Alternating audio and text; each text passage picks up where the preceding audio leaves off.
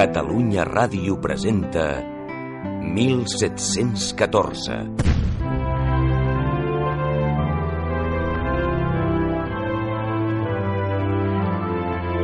Els fets dramàtics que van portar a la pèrdua de les llibertats catalanes. L'11 de setembre, una data transcendental en la història d'un poble que, reduït a cendres, es veu obligat a reneixer. 1714, basat en la trilogia èpica d'Alfred Bosch. Editorial Columna. Amb el suport de la Generalitat de Catalunya.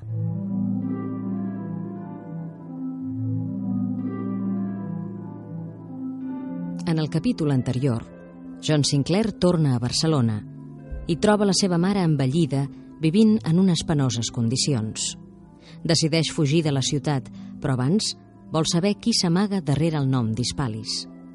Per descobrir-ho, va al Palau del Mases sospitant que pot tractar-se de Marta Vilana. Però la senyora del Mases ho nega. Quan és a punt de sortir de la casa del carrer Moncada, l'esclava negra Mariana li demana ajuda. Vol ser lliure.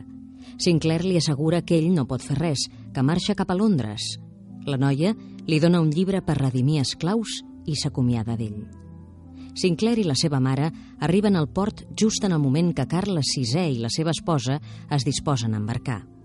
Barcelona es queda sense rei. Sinclair, ja dalt del vaixell, observant la ciutat des de coberta, fulleja el llibre que li ha donat Mariana, on hi descobreix un doble missatge. Ella, la dolça Mariana, és Hispalis i està enamorada d'ell. Capítol 12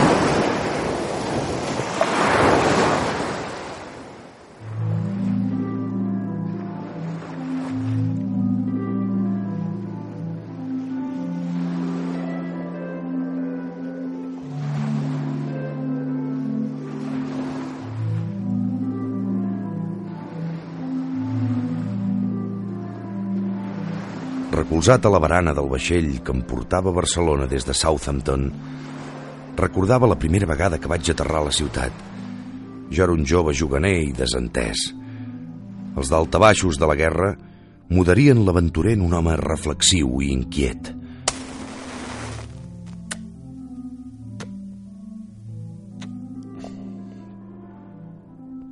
Jo havia passat un grapat d'anys entre els catalans i havia treballat com a agent del meu govern, el de la reina d'Anna d'Anglaterra. Havia viscut els embats de la guerra de successió espanyola i els seus canvis sobtats de fortuna. I malgrat que la Mariana havia estat al meu costat tots aquells anys, no me n'havia donat.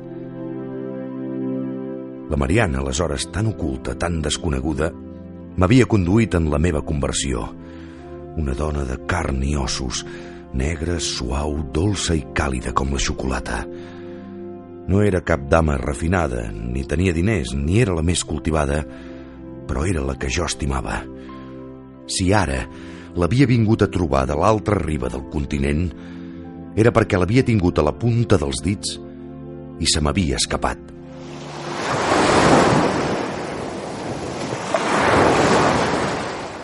Finalment, el novembre de 1711 vaig arribar a Barcelona i em vaig topar al portal de mar amb una processó encapçalada per una monja que pregava en silenci, les mans juntes i l'esguard clavat als núvols. Qui és? No ho sabeu. És la Beata Magdalena. Aleluia! Davallarà un àngel salvador a redimir la terra. Serà home i serà dona, serà un de sol i portarà la veritat. Oh, Regina! Voldrà que nosaltres, pecadors, li llevem el diable del damunt! Oh! Perquè Satanàs serà la seva pell, els posseirà l'home i la dona com un tassal! Oh, oh, I el dimoni lluitarà per prendre-li el fruit, el fruit que ensorrarà la terra.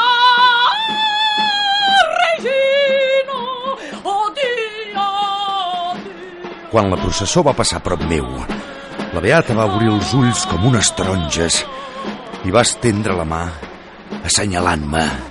Oh, l'àngel! L'àngel! És l'àngel! Ell! Ell!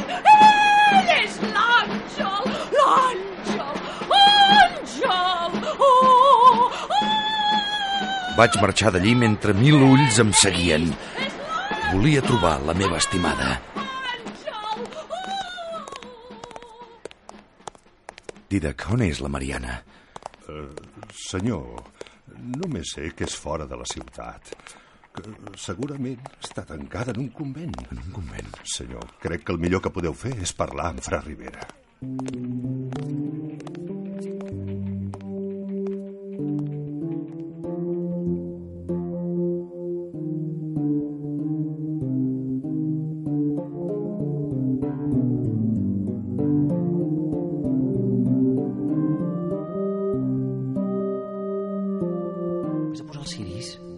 davant de Sant Cristòfol. Va, però corre, corre. Déu-vos guard! Sí, els vermells. No, De seguida vaig comprendre per què li deien Ribareta. Era viu i menut com un ratolí, fins al punt que, vist des de lluny, el podies confondre amb una criatura. Agafa la caixeta de ciris. Tots. Bon dia, Fra Rivera. Sí, M'han dit que la noia que busco és fora muralles i que podria estar reclosa en un convent. Eh, per on no sembla que puc començar a buscar? M'esteu parlant de la negreta aquella, oi, Simplet? Eh, Sinclair, em dic Sinclair. Això, Sinclair. La filla natural de doña Marta Vilana, la de Can Dalmases, oi? Ahà. No serà pas fàcil. A més, si alguna cosa abunda en aquest país, són les comunitats de monges. I els convents de clausura, això no hi puc posar els peus. Però provaré d'informar-me. Ara, no depengueu només de mi. Us recomano que regireu per altres bandes. Ja, com ara? Home, potser al Palau del Mases en saben alguna cosa. Doña Marta és una torre alta, però n'he vist caure de més fortes. No. I teniu els domèstics, i la família, i el marit. Don del Mas, sí. Sí, no feu ganyotes. Els marits i les mullers no sempre ballen el mateix so. Us ho diu un professional de la confessió. Perdoneu, aneu amb Déu, ciclet. Que t'he dit que davant del Sant Cristòfol... Adéu, Ribaret.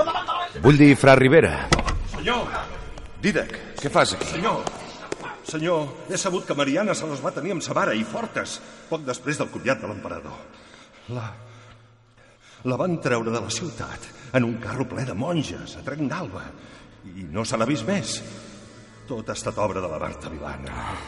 El bon del Mases no hi va poder fer res.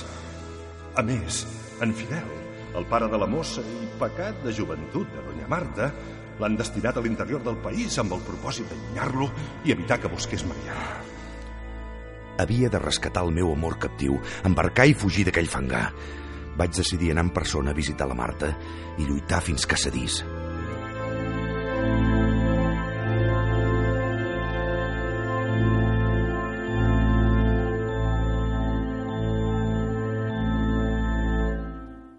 T'ha costat arribar fins aquí, John Sinclair. No he vingut per tu, Marta, ho saps prou bé. Això ja ho veurem. A veure què diu la d'aquí baix. Per què l'has tancat, Marta? De què tens por? La Mariana volia fugir, volia fer-ho amb tu. Però, merda, és la teva filla. No et sap greu? Sí, i no! També és la meva donzella i la meva esclava. No haig de donar raons a ningú.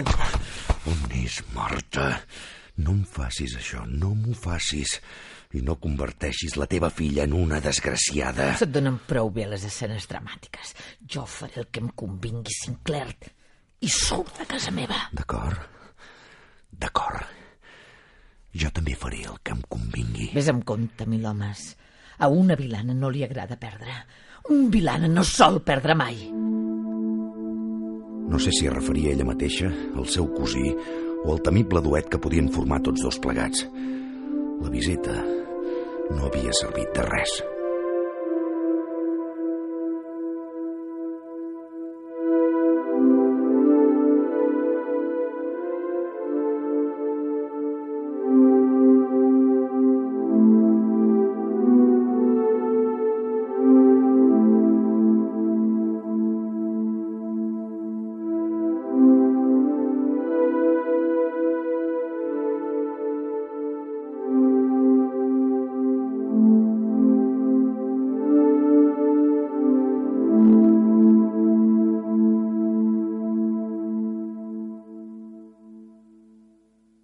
Fins aquí el capítol 12.